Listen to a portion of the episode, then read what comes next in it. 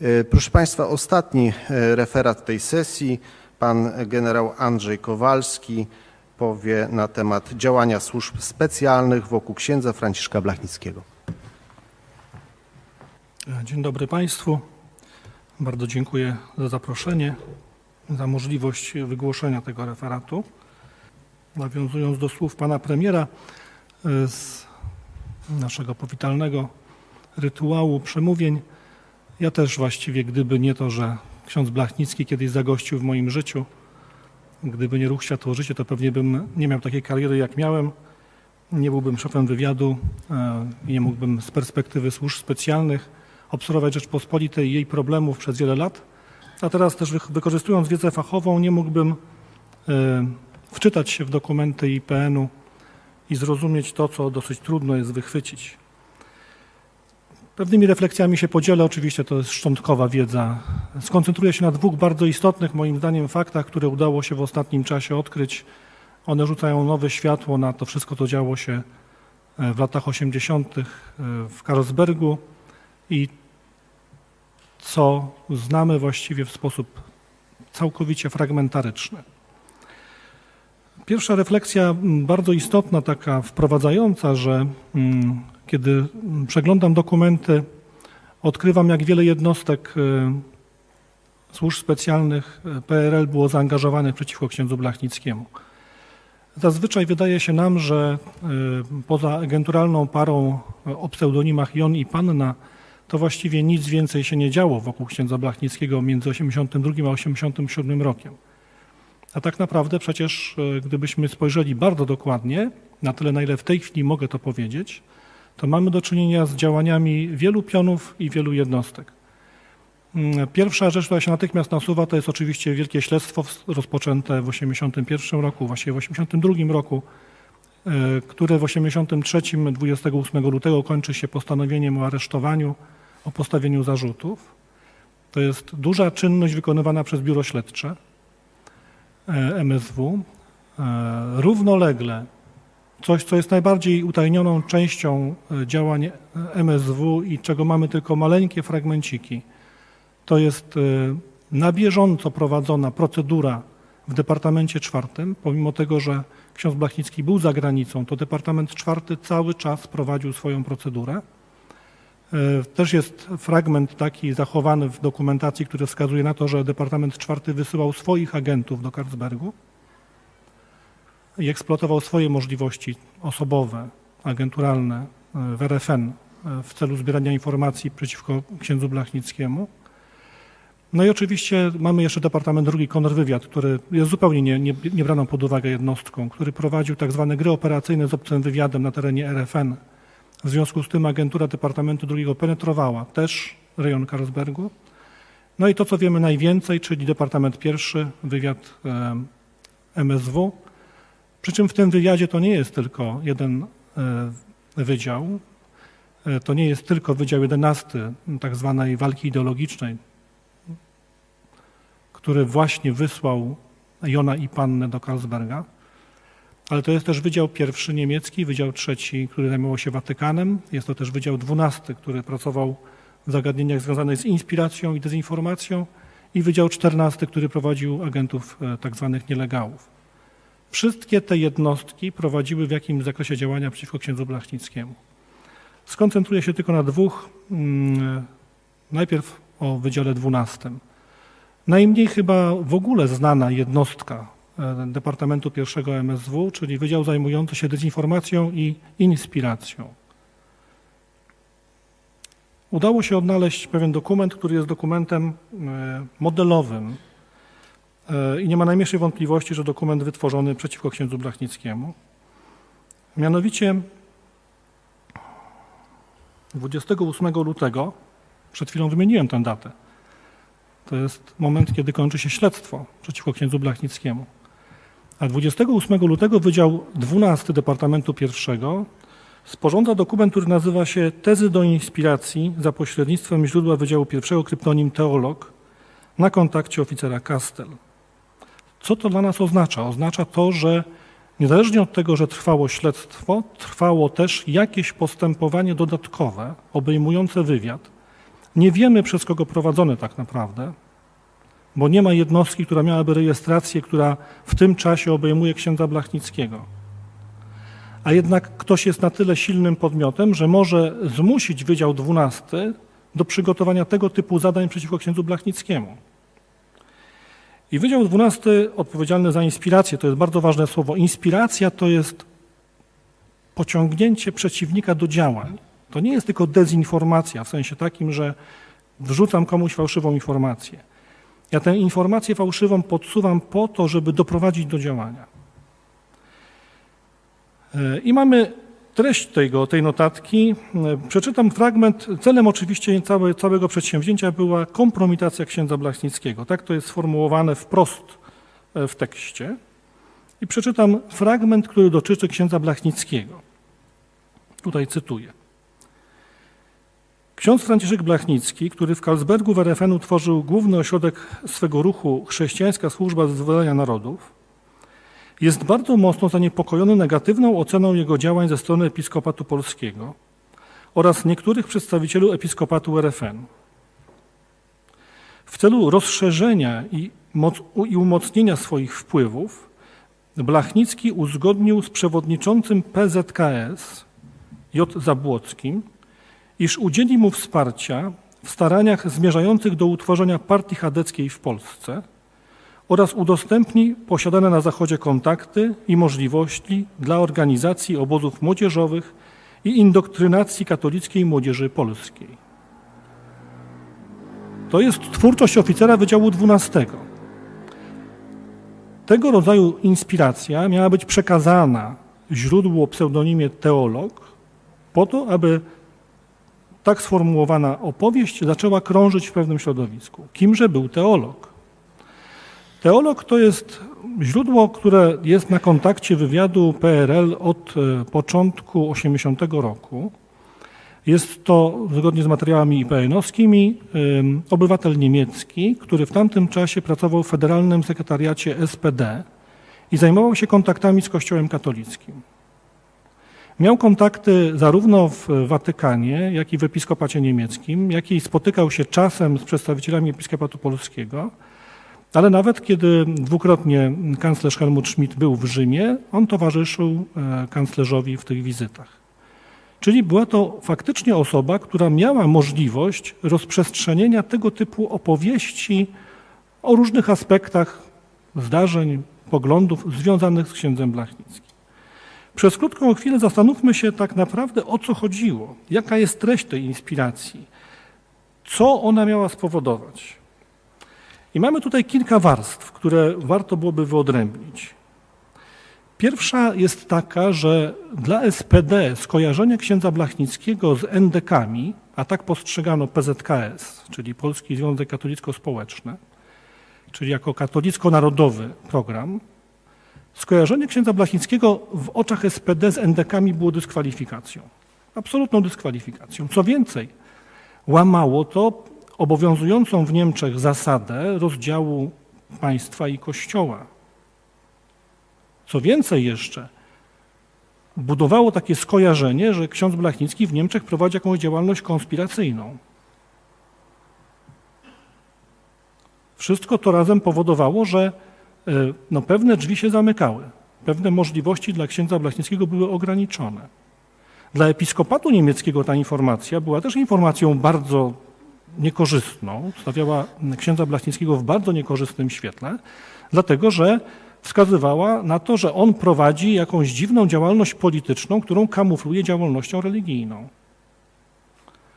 Dla episkopatu polskiego z kolei no była to też działalność szalenie niewygodna, no bo jeżeli on się dogadywał z Zabłockim, że będą robić jakąś partię chadecką, no to jak tu jednocześnie wspierać Blachnickiego w Niemczech i jednocześnie go no, nie wspierać, tak? No bo w sumie czy zależało wtedy episkopatowi polskiemu, żeby powstawała jakaś partia chadecka w Polsce, jeszcze z jakimiś przyczółkami niemieckimi?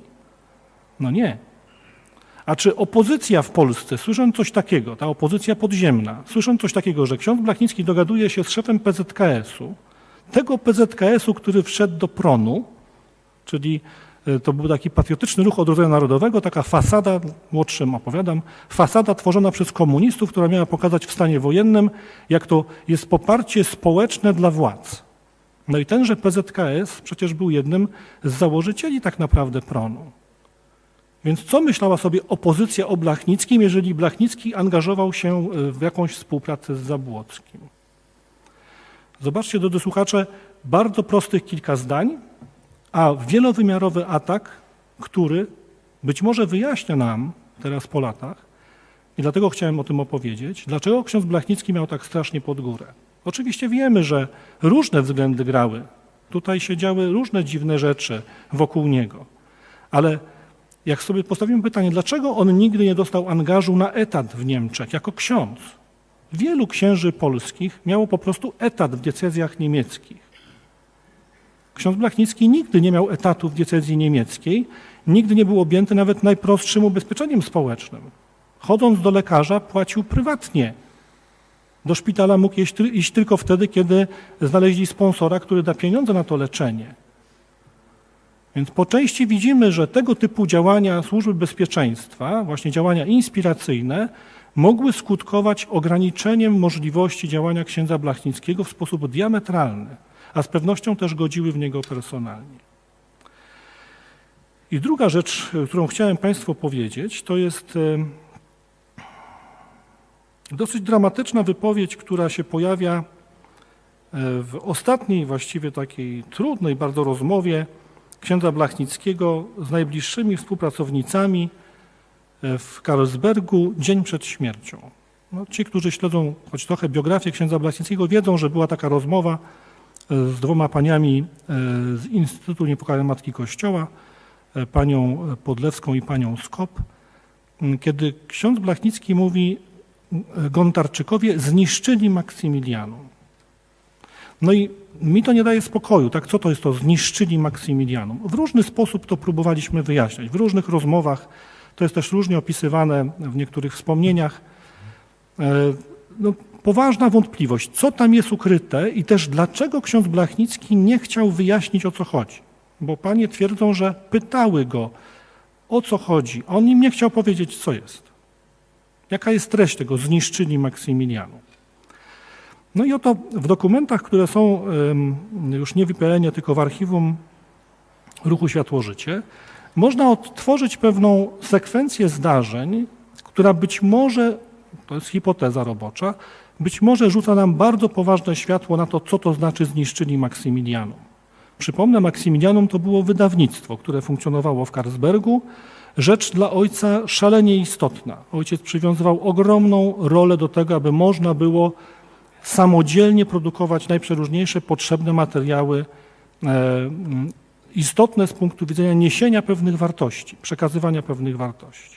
A jednocześnie też Maksymilianum było pomyślane jako źródło zarobku utrzymującego, utrzymujące e, cały ośrodek karlsberski. O jakie dokumenty chodzi? Mamy taki list, w którym ksiądz Blachnicki e, zwraca się do bardzo bliskiego mu e, współpracownika z protestanckiego ruchu Agape, Larego Thompsona. I w tym liście ksiądz Blachnicki pisze o tym, że tutaj prze, przez chwilkę przeczytam fragment. Nasze wydawnictwo ma jeszcze duże trudności do przezwyciężenia, chociaż najtrudniejsze etapy już mamy za sobą. Gdybyśmy otrzymali od Was na następne dwa lata to wielkie zlecenie, o które ostatnio byliśmy zapytywani, wszystkie problemy materialne byłyby rozwiązane. No i tu powstaje pytanie, o jakie zlecenie może chodzić? O co tu w ogóle chodzi w kontekście zniknięcia problemów materialnych? E, istnieje takie powszechne przekonanie, że ośrodek miał problemy materialne, faktycznie je miał, no, bo tak było. Tak? Nie miał żadnego zasilenia, stałego zasilenia e, funduszy. Właściwie wszystko działo się zgodnie z logiką księdza Blachnickiego, czyli e, nie pytamy, tylko działamy, nie zastanawiamy się, idziemy do przodu. Pan Bóg pomoże. Pan Bóg jest najlepszym partnerem w każdym naszym biznesie. I to oczywiście rodziło mnóstwo różnych wątpliwości i napięć, ale tutaj mamy taką pewność, że problemy byłyby rozwiązane. I musimy się cofnąć do najmłodszego chyba dziecka, które w tamtym wymiarze rodziło się w głowie mm, ojca Blachnickiego, czyli ekumeniczne wydawnictwo ewangelizacyjne. Trochę zapomniana inicjatywa, bo ona bardzo krótko istniała, ale na początku stycznia w sądzie rejestrowane jest coś takiego jako ekumeniczne wydawnictwo ewangelizacyjne, coś, co jest zupełnie odrębnym podmiotem. Co prawda mieści się w siedzibie HSWN-u w Karlsbergu, ale to ma zupełnie inną osobowość prawną i co więcej ma własne konto bankowe do obsługi zleceń związanych e, z drukami przygotowanymi dla protestantów. I to konto bankowe, i tutaj właśnie pierwszy bardzo ciekawy sygnał, ma tylko dwie osoby, które są do niego upoważnione. Jednym jest oczywiście ksiądz Blachnicki. Drugim, drugą osobą jest Jolanta Gontarczyk, czyli agent o pseudonimie Panna. Był pro, proces, była taka próba ustanowienia dodatkowych osób, które będą upoważnione do konta. Są nawet dokumenty, które się zachowały. Taka dyskusja między biurem notarialnym a Carlsbergiem. Przyjdźcie, podpiszcie, będziecie upoważnieni, musimy do sądu złożyć papiery. Ale nie wiadomo dlaczego te osoby się nie pojawiają i nie wiadomo dlaczego stan pozostaje właśnie taki, że mamy księdza Blachnickiego i Jolantę Gontarczyk jako jedyne osoby upoważnione do konta, na które wpływają duże pieniądze. W ciągu niespełna y, półtora roku przez to konto z pewnością przechodzi około 424 tysięcy marek niemieckich, co było w tamtym czasie ogromną kwotą pieniędzy. Były to pieniądze wpłacane przez y, ruch protestancki Campus Crusade for Christ. To jest organizacja, która głównie działała w środowiskach akademickich i która y, w porozumieniu z księdzem Blachnickim właśnie wykorzystywała Maksymilianum do drukowania materiałów, które są potrzebne do pracy ewangelizacyjnej. I teraz przejdźmy do konkretów. Jest takie pismo z 29 września 1986 roku, w którym y, przedstawiciel, będę używał skrótu CCC, czyli Campus Crusade for Christ, y, proponuje duży kontrakt drukarski i z kwestionariusza, który później wypełnia no i znowu, kto wypełnia? Wypełnia ksiądz Blachnicki i Jolanta Gontarczyk. Z kwestionariusza, który został przysłany przez ruch protestancki, wypiszcie ten kwestionariusz, musimy o was więcej wiedzieć, bo nasi donatorzy muszą mieć informacje konkretne o wydawnictwie, które podejmie się tego zlecenia. W tym kwestionariuszu jest wymieniona kwota 2 miliony dolarów jako zlecenie, które jest do wzięcia. I kwestionariusz przygotowany profesjonalnie przez, e, przez e, księdza Blachnickiego i e, panią Jolantę Gontarczyk, podpisane przez księdza Blachnickiego, zostaje wysłany 13 października do Amerykanów. Z dalszej korespondencji wiemy, że zlecenie miało się rozpocząć na wiosnę 1987 roku. Przypomnę, ksiądz Blachnicki umiera 28, 7, przepraszam, lutego 1987 roku. Czyli tuż, tuż przed wielkim zleceniem. I tak się zastanawiałem, jeżeli mamy taki kontekst, kontekst, gdzie mamy ogromne zlecenie, gdzie mamy pieniądze, które gdyby przyszły, ustabilizowałyby sytuację Carlsbergu na wiele, wiele miesięcy, nawet może lat co przy twórczym umyśle księdza Blachnickiego na pewno by wiązało się z eksplozją najprzeróżniejszych nowych inicjatyw. Wiesz, on na pewno by się nie cieszył, że ma te pieniądze tylko po to, żeby do garnka włożyć, ale na pewno by rozpoczął ogromną aktywność. Czy to nie jest ten moment, kiedy właśnie dochodzi do zniszczenia Maksymilianu? To znaczy ksiądz Blachnicki odkrywa, odkrywa, że coś jest nie tak z tym zleceniem że to zlecenie, za które była odpowiedzialna Jolanta Gontarczyk, być może nie będzie realizowane. Albo jest jeszcze druga możliwość. Odkrył, że coś się nie tak dzieje z kontem bankowym i z pieniędzmi, które są na tym koncie. Bo to też możemy przyjąć, że tak w tym kierunku idzie hipoteza, że tu doszedł do jakiegoś odkrycia, które było związane ze zniszczeniem Maksymilianum. Bo wiadomo było, że jeżeli te pieniądze zostały w jakiś sposób zabrane, czy gdzieś zniknęły, no to wiązało się to z katastrofą dla wydawnictwa. Tutaj oczywiście w tym całym e, zamieszaniu jest pewne światło nadziei, dlatego że e, w tamtym czasie już wszystkie zasoby mm, e, księgowe banków niemieckich, w tym Dresdner Banku też zwłaszcza, były scyfryzowane, więc gdyby w tej chwili prokuratura wystąpiła do Niemiec z prośbą o zajrzenie w tamte zapisy konta, być może byśmy dowiedzieli się, co tak naprawdę działo się z tamtymi pieniędzmi i czy one się w ogóle pojawiały, czy były, czy znikały, kto je wybierał, co się działo. I być może mielibyśmy możliwość wyjaśnienia tego najbardziej dramatycznego, niewyjaśnionego do końca stwierdzenia. Niewyjaśnionego dlatego, że ksiądz Blachnicki prawdopodobnie nikomu o tym nic nie mówił, bo jak rozmawiałem ze świadkami tamtego czasu, mówili, że w ogóle nic nie wiedzieli o takim zleceniu, o przygotowaniu do tego typu działań wydawniczych. Czyli być może cała sprawa była bardzo, w bardzo wąskim gronie omawiana, być może tylko z panią Jolantą Gontarczyk. Tyle y, informacji, którymi chciałem się podzielić, dużo więcej będzie kiedy indziej. Kłaniam się serdecznie, dziękuję.